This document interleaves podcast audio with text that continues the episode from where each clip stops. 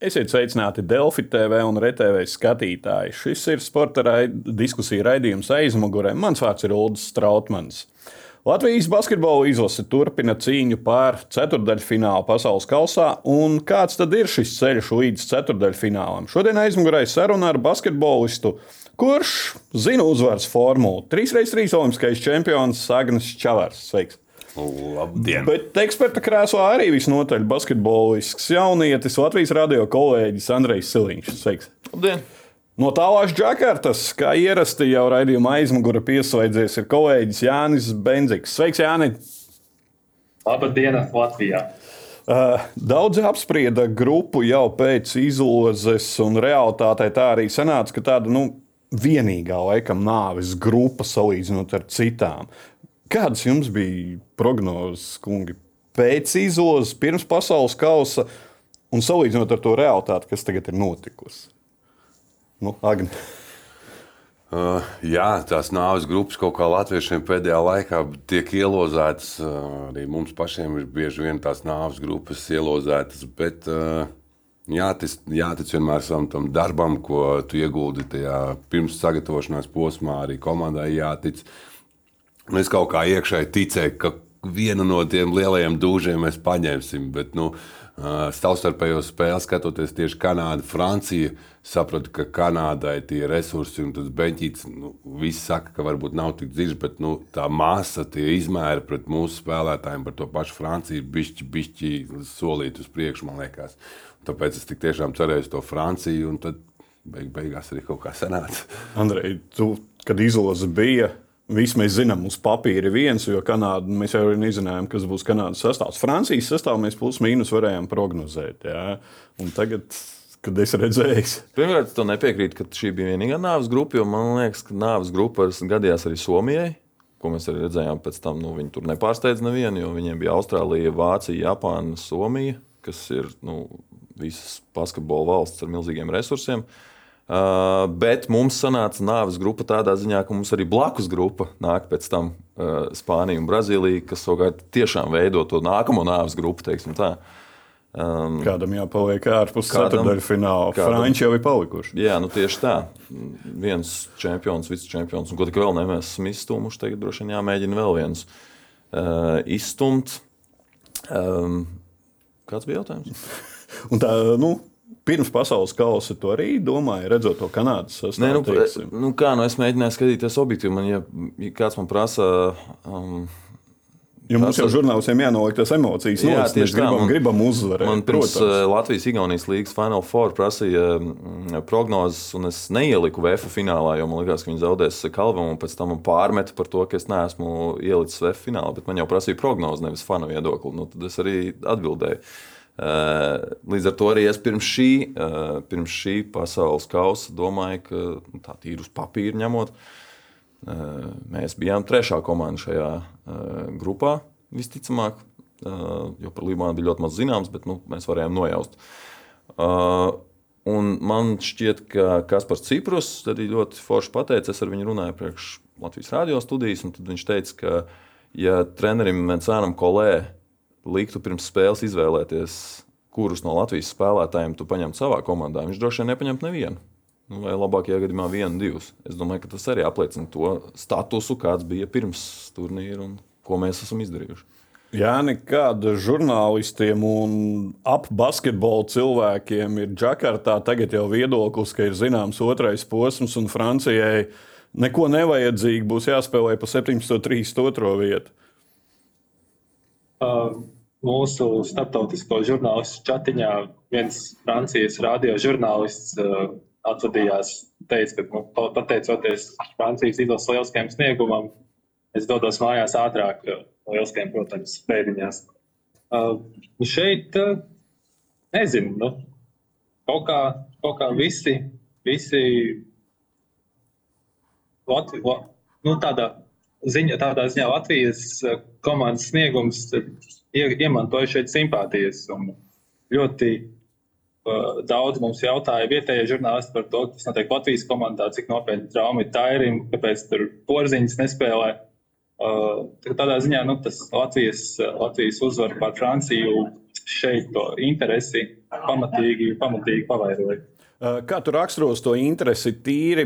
Tas, ka mēs uzvarējām Franciju, vai tā kā tu pieminēji, spēles ziņā? Es domāju, spēles ziņā. Es atvainojos, man te mēdīņu centrā jau rostība notiek. Spēles ziņā arī tad, kad galotne bija Francijas, Latvijas spēlē, tad visapkārt vietējie brīvprātīgie lēkāja līdz ar mums par izšķirošajām sekundēm. Varēja redzēt, ka neitrālie žurnālisti nu, tā, acīm redzami bija vairāk par šo mazā cinīša veiksmu stāstu, nevis par Francijas izglābšanos.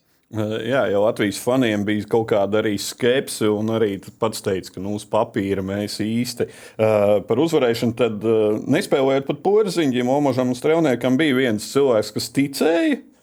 Un tas bija Libānas izlases galvenais treneris. Paskatāmies citātu, ko viņš teica vēl pirms spēles ar Latviju. Ka porziņš nespēlēs. Ah, jā, nu es dzirdēju liels zaudējums, jā, bet Latvijai ir liels basketbola IQ, tā agresīva spēlē aizsardzībā. Viņiem ir viss. Cilvēki saka, ka Francija un Kanāda iekļūs otrajā kārtā, bet es redzu, ka Latvija arī varētu uzvarēt kādu no šīm abām komandām, norādīt treneris. Nu, lūk, nākamreiz jautājiet viedokli speciālistu komentāru šim trenerim. Uh, jā, neizēj pajautā, varbūt, uh, ko viņš domā par Latviju, Spāniju, Brazīliju, kurš no šīs trijotnes paliks ārpusē. Man jau bija doma aiziet viņam pateikt, paldies par lielisko, par lielisko prognozi. Tas ir taisnība.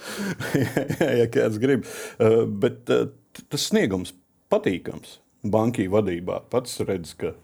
Jā, īstenībā priekš tāda uh, sīkas laika perioda sagatavošanās džeki tik tiešām baigi labi pieņēmuši savu lomu. Mēs jau pirms ētera runājām par brāļiem Kuraciem. Uh, Viņi abi divi, varbūt cik četrus, divus punktus iemet tieši pret frančiem, bet nu, tā aizsardzība, desmit stīli laikam bija uz abiem. Perfekti, aiztaisīt ciet visus tos līderus. Nu, super. Prieks skatīties, ka tiešām katrs to, to pieņems to lomu. Varbūt Jānis nepieņēma to lomu līdz galam, bet no tīma es domāju, bet pārējie, es domāju, ir ar visu sirdi un dvēseli izlasē. Mēs laikam žurnālisti banki fenomenu jau apspriežam jau tagad ir divi gadi, ja vairāk kādi. Nu varēsim, varēsim un pētīt, tā un rakņāt. Klasika, tāda eh, lirika, banki uh, fenomens. Tas ir tāds jau apzīmējums. Jā, jā, jā. jā tie, Vai nākamajam trenerim arī būs banki fenomens? Tas ir jautājums. Bet eh, nākamajam trenerim, ja jau domājam, jau nu nekad mūžīgi, jo treneri nepaliek. Tā, jā. Nākamajam... Mēs redzam īstenībā, kas notiek ar komandām, kurām ir mūžīgie treneri. Vincents Kolē ir no 2009. gada Francijas izlases treneris. Viņam ir daudz, daudz panākumu. Bet nu, tur iekšēnē arī ir rīvēšanās jau ilgāku laiku. Arī uh, arī tagad redzējām, ka vis, visi šie jautājumi par Grieķiju arī diezko. Jā, nu, Grieķija varbūt nav tik ilgi treneris, bet, bet jebkurā gadījumā pārāk ilgi droši vien vienā vietā būt uh, trenerim vai jebkurā pozīcijā. Nu, tas Bet nu, bankī būs uzlicis tādu latiņu, ka nākamajam trenerim. Protams, šobrīd mums nav jārunā par to. to mēs runāsim tad, kad arī būs. Uh, Franciju un uh, Libānu mēs jau šeit apspriedām ar citiem ekspertiem. Kanādas spēle uh, fonā uzliekam. 8 minūtes, Kanādai 12 punkti, 23, 12 vadībā. Andrej, kas tev tajā brīdī bija sirdī, emocijās? Un... Nu, man šķita, ka nu, okay, emocijās man šķita, ka okay, varbūt vēl viens brīnums mums ir priekšā. Žagars ir turpina tajā garā, kā viņš jau bija atvēries iepriekšējos mačos. Pirmā aizsardzība mums uzreiz bija zona. Pēc tam mēs uzreiz pārgājām apakaļ uz cilvēku. Tur jau uzreiz no sākuma bija redzams, ka ir kaut kāds arī nu, ļoti konkrēti izstrādāts spēles plāns. Um, nu, man šķita, ka mums arī sakrita metieni, un kanādiešiem nekrita. Mēs viņiem devām trīs punktu līniju, jo pret šādiem pretiniekiem ir kaut kas nu, jāizvēlas mazākais risks, risks ko atdot. Uh, mēs atdevām to tālmetienu. Nu, diemžēl spēles turpinājumā ne tas īsti nostrādāja, ne mūsu spēlētāji līdz galam uh, spēja izdarīt savu darbiņu. Un, un tur droši vien arī noguruma fons ir. Agnes, uh, droši vien var, var vislabāk pateikt, kā ir spēlēt un kā mainās metienu precizitāte uz noguruma fona un ka tev kājas vairs nav. Nu, jā, nu, nu, un Kanāda ir ieslēgta cits apgrieziens pēc tam. Nu, redzēju, ka Kanāda iesauca šos apgriezienus. Viņi iznāca ārā tādi mierīgi. Varēja just uzreiz tos apgriezienus, jo arī, kā teicu, no noguruma fona varēja redzēt, ka džekiem kājas pieksuši visu metienu pa prie, priekšējo stīpu trāpīt. un- Un tad varēja redzēt, nu, ka tas Kanādas ir kā. Viņi nav ne ātrāki, ne atletiskāki, bet viņiem tas uh, parametrs ir daudz, daudz lielāks. Jebkurā pozīcijā, kas mums džekiem ir, un tad agri vai vēl tas nogurums parādīsies. Jo mums arī tas pats ir, kad tu spēlē pret smagāku komandu, baigā ātri tas nogurums iestājās. Kā tu viņu varētu apspēlēt. Bet ilgtermiņā tas baigi dot nu, pa kājām, kā mēs teicām. Tad varēja uz beigām jau just, ka visi metieni jau ir pa īsu. Iekritām arī aizsardzībās, tur beigās tas uh, Aleksandrs darīja, ko viņš gribēja pa lielam. Nu, plus es domāju, ka, ja šī spēle būtu bijusi otrā, tad varbūt arī būtu izvērties citādāk. Jo nu, kanādieši tās pirmās divas spēles tādā kruīza režīmā nolaida. Mēs iztērējām ārkārtīgi daudz fizisko un emocionālo, mentālo spēku tajā spēlē pret Franciju. Nu, lai cik apņēmīgs tu būtu, bet, ja tev jau fiziskais vairs nepalīdz, mēs redzējām, arī sākās pēc tam runāšanas ar tiesnešiem un tam līdzīgi. Nu, nu, varēja redzēt, ka, ka, ka tas nogurums ir sakrājies dažādos veidos. Bet es teiktu, ka arī Kanāda ļoti nu, ļoti acīm redzam, pamainīja to aizsardzību. Viņi spē, sāk spēlēt fiziskāk, viņi spied mūs ārā. Mēs kaut kādus pikantrolus taisījām 9 metrus no groza, kas ir bezjēdzīgi un apstājās viss tā vērtība mūsu bumbas, izslavētajai bumbas kustībai. Uh, Jāni, uh, kanādieši tavās reportāžās, ko tu sūti no Džakartas, ir tādi. Nav augstprātīgi, un arī laukumā var redzēt, ka viņi nav augstprātīgi. Viņi vienkārši viņi spēlē jau šobrīd uz kaut kādas robežas, vai viņiem vēl ir kur pielikt. Uh, nu, vismaz izskatās, ka viņi tiešām ir salīdzinoši pieticīgi. Man liekas, to pašu apliecina fakts, kad uz preses konferencēm tiek sūtīts šeit Georgijas Aleksandrs. Uh, FIBAS pasākumos ļoti bieži šīs superzvaigznes uh, neparādās mediju tūmā. Tas, un tas, ka viņš nāk runā, viņš arī pietiekami solidi atbild uz jautājumiem. Man, manuprāt, parāda, ka nu, viņš nav atbraucis šeit būt superzvaigznes, viņš atbraucis kaut ko vairāk uh, izdarīt. Tas ir tāds klasiskais stereotips par kanādiešiem. Labsirdīgi. Jā, viņš ir labsirdīgi. Jā, jā. Uh, bet bet uh, arī nu, vismaz tas, ko viņi runā, nu, izklausās vismaz pareizi. Cik tas ir nu, tādā izpratnē, ka viņi ir atbraukuši kaut ko izcīnīt, nevis tikai tur pazīmēties, parādīt, kāda ir superzvaigznes un viss apgādes vienas kājas. Vai tā kā ir patiesībā, nu, to, to zina tikai tie, kas ir ķērbtuvē, bet vismaz tas publiskais tēls tiešām ir tāds, ka nu, viņi ir atbraukuši tiešām izcīnīt, un, un tā runā, runāšanas veids liek, liek domāt par to, ka tā varētu būt. Uh, Pēc šī sākuma izrāviena trīs ceturdaļas, vairāk kā trīs ceturdaļas zaudēts ar 52, 89. 8 minūtēs 23 punkti, pēc tam ir 32 minūtēs 52. Kas notika? Mēs, tā kā jūs teicāt, ka nu, netiekam vairs līdzi sagurums, emocionālais sagurums. Nu, nevarētu teikt, ka beigas slikti spēlējām. Nespēlējām slikti, bet viņi arī pierādīja pret frančiem, ka viņi salauza spēli tieši liekas, trešajā ceturdaļā. Nu, varbūt kaut kādus maģiskos vārdus vai maģiskās zālītes iedzertajā puslaikā vai ko. Nu, grūti spriest. Arī to viņu fizisko kapacitāti dotajā mirklī vēl nevar pateikt. Jo, kā teicu, viņi pirmās divas spēles vienkārši pārbrauc pāri palielam. Un Latvijai nu, negribās to atzīt, bet diezgan arī viegli pārbrauc pāri. Nevar saprast tos limitus pagaidām tai Kanādai, ka viņiem var būt kaut kāds uh, superkomanda nākošajā Spāņu vai Brazīļu. Uh, iedos rīktīgi pretī, tad varbūt redzēsim, cik tiešām varbūt viņiem šis ir maksimālā uh, ručkā dots, ko mēs zinām. Pagaidām grūti spriest par to Kanādas izlasi. Bet Kanāda laikam tādā ziņā ir uh, pārsteigums, ne pārsteigums. Visi jau viņu lika pie favorītiem, bet nezināja, kādi viņi ir. Tagad mēs redzam, ka viņi ir. Uh, nu, kā pirms turnīra jau droši vien vērtēju tos sastāvus, kas ir uz papīra. Un, nu, Kanādā ir septiņi NBA spēlētāji, vairāk ir tikai Austrālijai un Amerikas Savienotajām valstīm. Līdz ar to viņi tur atradās tajos favorītos, un šeit viņi pierāda, ka nu, tie NBA spēlētāji arī ir būtībā, nu, ja ne starta piecinieki, tad noteikti NBA rotācijas spēlētāji. Sezonas Lielākā daļa rezultatīvākais. Jā, un, un, un, un lielākā daļa pat ir starta piecinieku spēlētāji. Un, uh, Es domāju, ka nu, vienīgi Amerikas Savienotās valsts varbūt ir dziļāk sastāvā. Nu, šeit Kanādai ir tie septiņi, astoņi spēlētāji. Pēc tam droši vien ir maz, mazāk, bet vai tas ir vajadzīgs šādā turnīrā, ja viņi līdz kaut kādām izšķirošām spēlēm patērē tik maz spēku, varbūt viņiem arī izšķirošajās spēlēs pietiek ar to 7, 8 spēlētāju rotāciju. Jā, neslēpsim, ka pirms uh, turnīra bija runa, kāda būs Kanādas saspēle tieši, jo viņi sabrauc kopā. Un, nu, uz papīra, jā, kā Andrejs teica, ka ir spēcīgi, bet tā saspēle arī ir izveidojusies un ir komanda. To arī parāda piespēļu rekords pret Libānu. Liekas, tā būtu katram basketbolistam izcila spēle, kur savākt savu individuālo statistiku, bet viņi to visu, to bumbu kustību turpināja, neraugoties savu milzīgo pārsvaru. Nu, jā, nu, man šķiet, ka treneris viņiem diezgan labi visas tur tādā, tādā uh, ciešā, ciešā sasaistē, lai viņi būtu tādi, tas sakarīgs kolektīvs. Un, un, nu, tiešām no, no šejienes man ir radies tāds iespējas par viņiem. Runājot par pārsteigumiem, laikam Latvijas izlasē lielākais pārsteigums ir Žagers. Nu, uh, karjera, nu, kāda bijusi līdz šim, jauns čalis, perspektīvas, bet nu, neveicās traumas ne tajā nu, kur ne tajā komandā, bet nu, ne, neiespēlējās, dabūna spēlēt Lietuvā. Starp citu, Kārs Mūžnieks šeit teica, ka nevajag nenovērtēt Lietuvas līgu, un varbūt arī Žagaram tas nāk par labu, tas atspēriens. Bet jums ir pārsteigums abiem, ka nu, Žagars tādā līmenī šeit parāda sevi.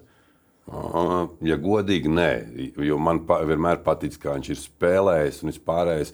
Nu, tev jābūt gan īstai komandai, gan īstiem večiem apkārt, lai to savu potenciālu uh, realizētu. Nu, viņam ir iekšā, nu, Džekam ir iekšā, re, kur arī Banka viņam iedod to uzticības kredītu. Viņš sajūta tajās pārbaudas spēlēs, atrada sevi.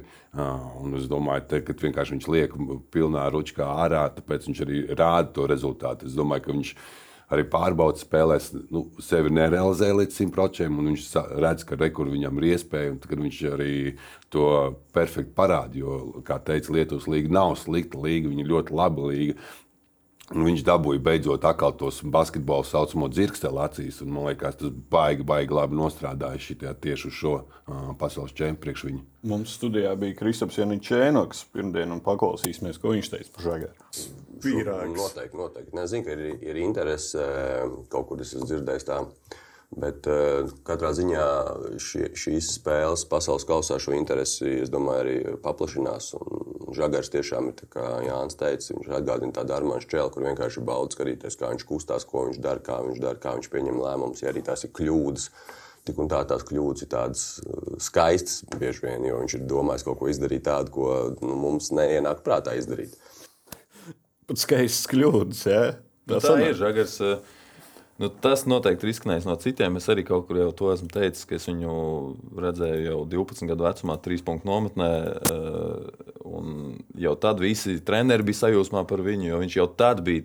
Viņš bija jā, līderis, tā, viņš ir tāds harizmātisks čalis un, un pavelk līdzi visus un iedrošina pārējos komandas biedrus. Un, Un, ja tu, man, ja tu prasīji par to pārsteigumu, tad tas nav pārsteigums, eh, ka viņš šādi var spēlēt. Eh, bija maz, varbūt mazliet neziņa par to, vai tas izdosies. Jo iepriekš pie bankiem viņam tas nebija īsti izdevies. Viņš arī nebija pirmais saspēlnieks. Eh, un, un tagad apstākļi sakrit tā, ka viņš ir pirmais saspēlnieks, un viņš bieži spēlē kopā arī ar otru saspēlnieku, vai nu tas būs Čēlis vai Zorigs. Arī tā tas labi izskatās kopā. Nu, es viņam novēlu tikai veiksmu turpmāk. Protams, šajā brīdī atrast klubu ir grūti saspēles vadītājiem, jo, jo lielākā daļa klubu jau ir noklāpējušies. Bet nu, es domāju, ka Varbūt viņš noteikti skatās jau, kuru nevajag. Turēt. Viņš, varbūt, viņš noteikti tiks pie iespējas augstākā līmenī nekā līdz šim. Uh, Jānis piekrīt Agņu teiktajam, ka komanda ir tā, kas viņam arī palīdz atvērties, un Latvijas izlasē viņš ir sajūtis sevi.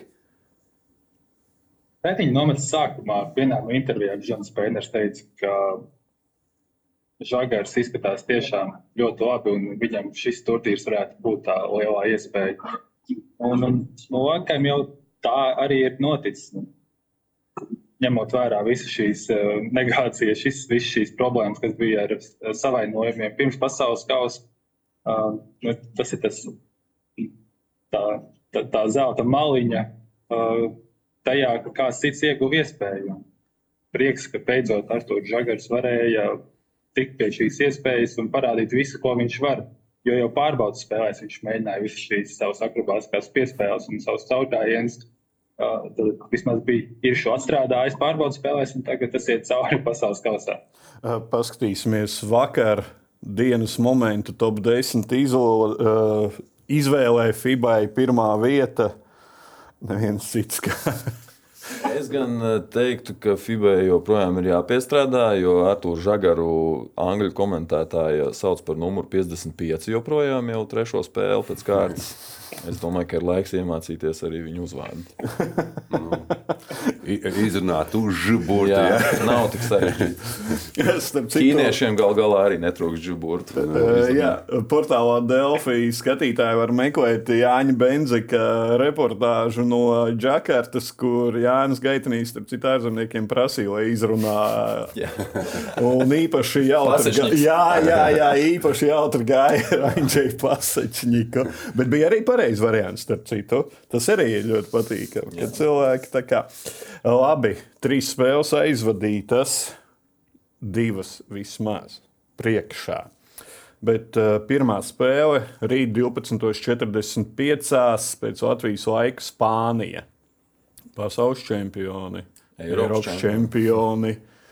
Bet tā, kas ir pasaules čempioni, pasaules kausa ieguvēja pirms četriem gadiem, un Eiropas čempioni, un tā, kas ir tagad, laikam, tās ir divas dažādas. Nu, no Eiropas čempionu sastāvā ir septiņi spēlētāji. Bet nu, droši vien, ka lielākais iztrūkums no tiem pieciem, kas nav no tā sastāvā, ir uh, Lorenzo Browns. Uh, labi, ka nav, viņš tomēr nav spānis. Uh, līdz ar to es domāju, ka Spānija noteikti nav tik jaudīga šogad, kāda tā bija pagājušā gada. Tur ir pieredze, ir piemēram Sergio Juļs, ja Eirolandes uzvaras metiena autors. Eh, bet nu, Sergio Juļs visu cieņu, tavs vienaudzis. Uh, nu, Rudijs arī ir. Jā, un Rudijs arī 85. gads. Tā, tā, kā, tā ir ļoti, ļoti pieredzējusi komanda, ir labi, aiz, ir, ir laba, labi spēlētāji katrā no pozīcijām. Bet nu, tādā jaudas ziņā es domāju, ka, ka tā nav komanda, ko, ar ko mēs nevaram spēlēt. Uh, par Franciju stiprāka, vājāka? Nu, manā redzējumā vājāka. nu, jo, jo, jo tiešām mūsēji džeki jau tāpat ir apbružājušies gan Eirolandā, gan arī daudz pret tiem spāņu spēlētājiem spēlējuši. Es domāju, tas būs ļoti, ļoti, ļoti interesants mačs. Jo Spāņus vēl esmu redzējis, Brazīlijas vēl neesmu, nu, vispār neesmu redzējis viņu spēles. Spāņus redzēju, un es domāju, ka viņi arī ir mums pa zobam. Jā, galvenais, lai Džeki tagad atpūšās tās dienas, tur uztaisīs visas uh, rehabilitācijas, ko vajag.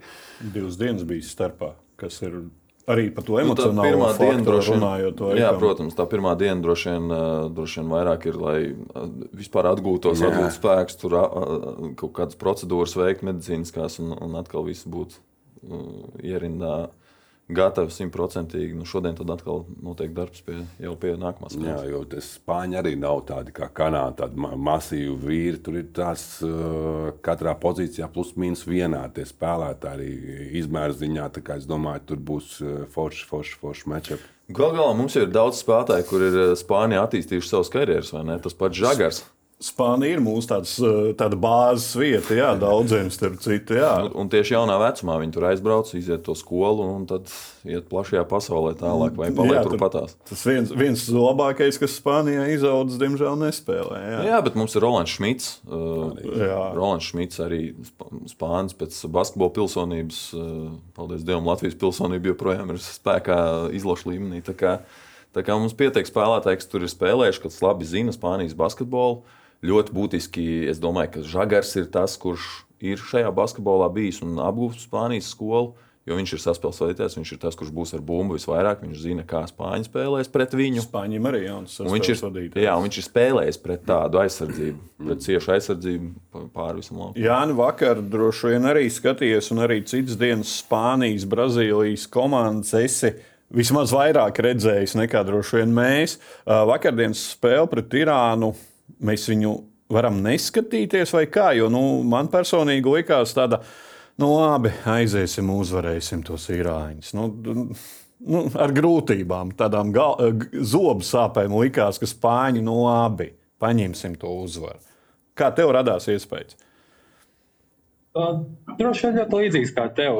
Un, nu, nu, Irāna šajā pasaules kausā nu, nav. Nu, nu, nu, ir grūti skatīties tās spēles, kad šitiem, šīm valstīm iet pāri tās lielās basketbola valsts. Nu, nu, var saprast, kāpēc Spānija izgāja uz spēli līdzīgā noskaņojumā, kā Francija izgāja uz spēli pret Libānu. Nu, nu, tas, tas ir saprotami. Uh, bet, uh, pēc spēles preskonferencē Viktors Slavers tieši to arī atgādināja, ka Latvijas izlasē daudzi spēlētāji ir bijuši Spānijas klubos, un viņi viens otru diezgan labi pazīst. Es gribu domāt, ka tas vairāk mums spēlēs par labu, jo, jo tas pats Arktūrs Žagars noteikti varētu gribēt sevi uh, vēl vairāk parādīt uh, pret Spāniju, kur viņam tā karjera neizvērtās pati veiksmīgākā. Un, un, un, un, bet kopumā, nu, ja mēs runājam par pasaules kausu un spēlēm pret Irānu, Libānu un tā tālāk, šis noteikti ir ļoti disku, tāda tēma, par ko vajadzēs vēl daudz runāt, ņemot vērā, cik, tā, cik tie rezultāti bija tādi uh, ar milzīgiem pārsvariem. Uh, jā, pieminot uzreiz, ko Jānis min no turienes, kolēģis Jānis Freimans no Mēdī MVP. Uh, statistiku. Viņš jau pirms tam uh, raidījumā, pirms pēdējām spēlēm, jau minēja to statistiku, kas nebija diezgan spoža par vidējām starpībām spēlēs. Ja? Tad šeit arī nu, 20 punktu vidēji spēlēja starpība pirmajā posmā. 11 spēles, tā tad pat nav ceturtā daļa, pat mazākā ceturtā daļa ir par 10 punktiem. Eiropa 10, 12, jau pieminētā Somija, starp citu, ko tu teici, un otrī, kura Francija. Ārpus borta no Eiropas, Amerika ir 5 no 7, tālāk Okeānija, Austrālija, Jaunzēlanda. Starp citu, Jaunzēlanda līdz pat pēdējai mm. ceturdaļai ir Grieķiem. Grieķi beidzot saprata, ka, hei, mums taču vajag uzvaru izrādās, lai tiktu tālāk. Ja? Un tālāk seko 11 komandas Āzija un Āfrika. Neviena. Jā, bet es nezinu, man šķiet, šīs runas tādas, uh, nu, tas ir pasaules čempionāts, tas ir pasaules kausa. Tur ir jābūt no visas pasaules komandām. Nu, tāpēc Eiropa, tas jau nav noslēpums, un tas ir daudz viedoklis, ka Eiropas čempionāts kvalitātes ziņā ir augstāka līmeņa turnīrs. Lai gan arī tagad, kad ir tas plašais Eiropas čempionāts, tad arī mēdz gadīties komandas, kurām tur nebūtu jābūt. Un, piemēram, nākamajā Eiropas čempionātā Kipra spēlēs. Nu, es atvainojos. Uh, bet, uh, Redzēsim, bet šajā Āzijas uh, virzienā jau FIBA ļoti tā acīm redzami iet pēdējo gadu laikā. Arābu pasaules virzienā es domāju, ka tas nemainīsies. Nākamais čempionāts notiks Katarā. Un tam nav jāmainās, jo tas ir pasaules kausa. Tur ir jābūt labākajām komandām no katra kontinenta. Jā, pasaules kausa. Libāna gal galā bija Āzijas vicečempions. Nu, kā mēs viņus neņemsim? Pasaules kausa, bet viena otra lieta ir Parīzes Olimpiskās spēles un šeit tiek sadalīts ceļa zīmes, un no šīm te, kuras spēlēs pa 17. un 32. vietu, divas ceļa zīmes aizies uz Parīzes Olimpiskajām spēlēm. Tiešās ceļa zīmes, jo labākā Āzijas un labākā Āfrikas komanda tiek uz Parīzes Olimpiskajām spēlēm. Bet vai tad, nebūtu jābūt Olimpiskajās spēlēs labākajām? Tad sanāks ar 12 komandām Parīzē būs divas, Bet... kuras pasaulē ir Nu, par Olimpiskajām spēlēm varbūt var, varbūt var diskutēt. Es domāju, ka tur ir jābūt komandai. Ir jau no droši vien jābūt. Afrikas, tas ir, nu, tas ir FIBA jālēm. Nu, 3x3 vēl lielāks skapiņš ir pa ceļu zīmēm. Nu, jā. Jā, jā, jā. Bet nu, es arī piekrītu tev, ka pasaules čempions, pasaules čempions, ka jābūt nu, kaut kādai komandu skaitam no katras kaut kādas kontinentālās daļas. Tad, attiecīgi, jā, nu, citreiz ir sāpīgi skatīties, bet nu, džeki kaut kādā veidā ir tikuši līdz tai vietai. Tad ļaujiet paspēlēt. Nu, varbūt džekiem nebūs nekad vairs iespēja tur pret kaut kādām superzvaigznēm uzspēlēt.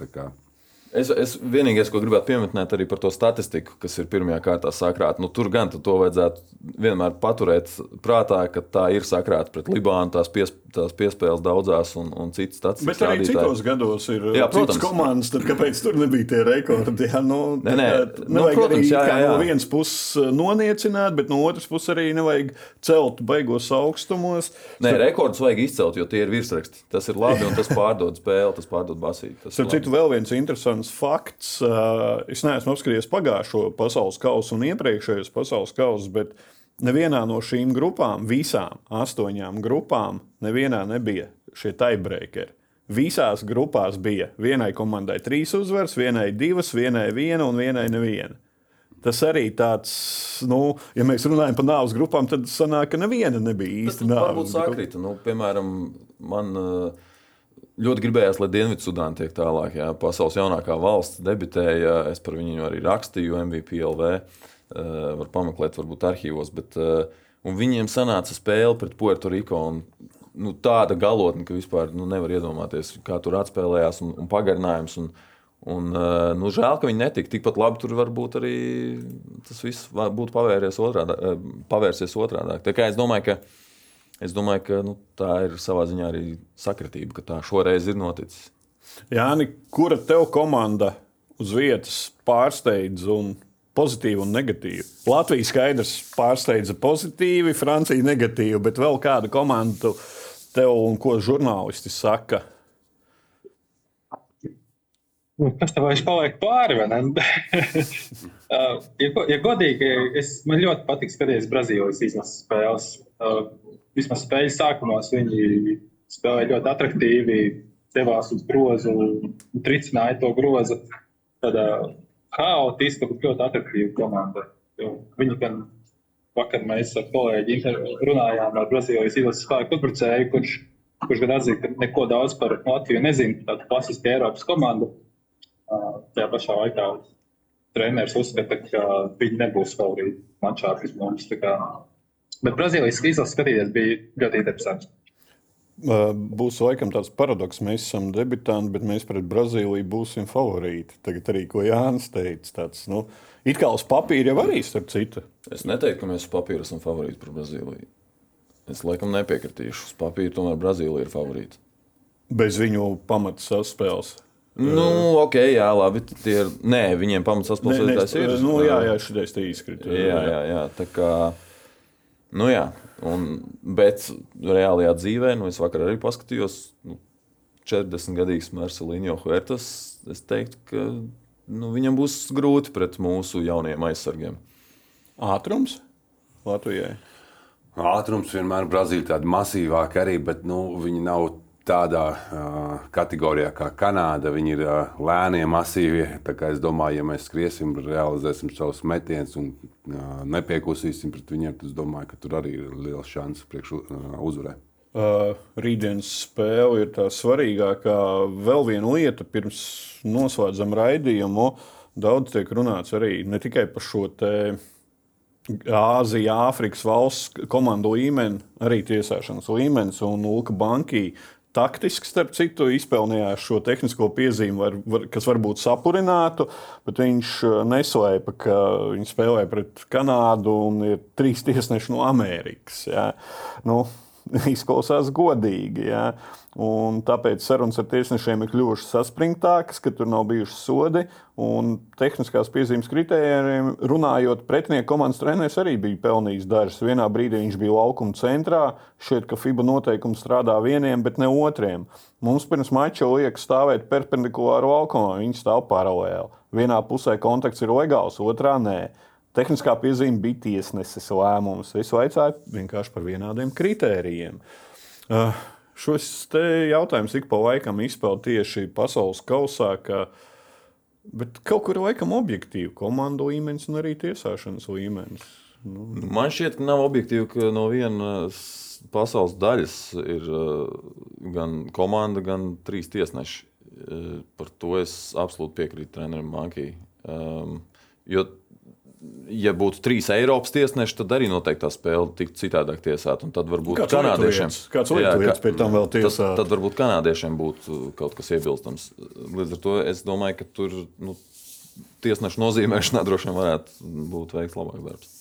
Uh, labi, kungi, noslēgumā Protams, prognozēs mēs uzreiz teiksim, jā, rītā uzvar un viss ir kārtībā. Jā, bet rītdienas spēles, starp citu, ir uzreiz būt vai ne. Te jau viss spēles sākās būt vai nebūt. Bet rītā uzvaras gadījumā Latvija ir nu, pa procentiem 80 iekšā.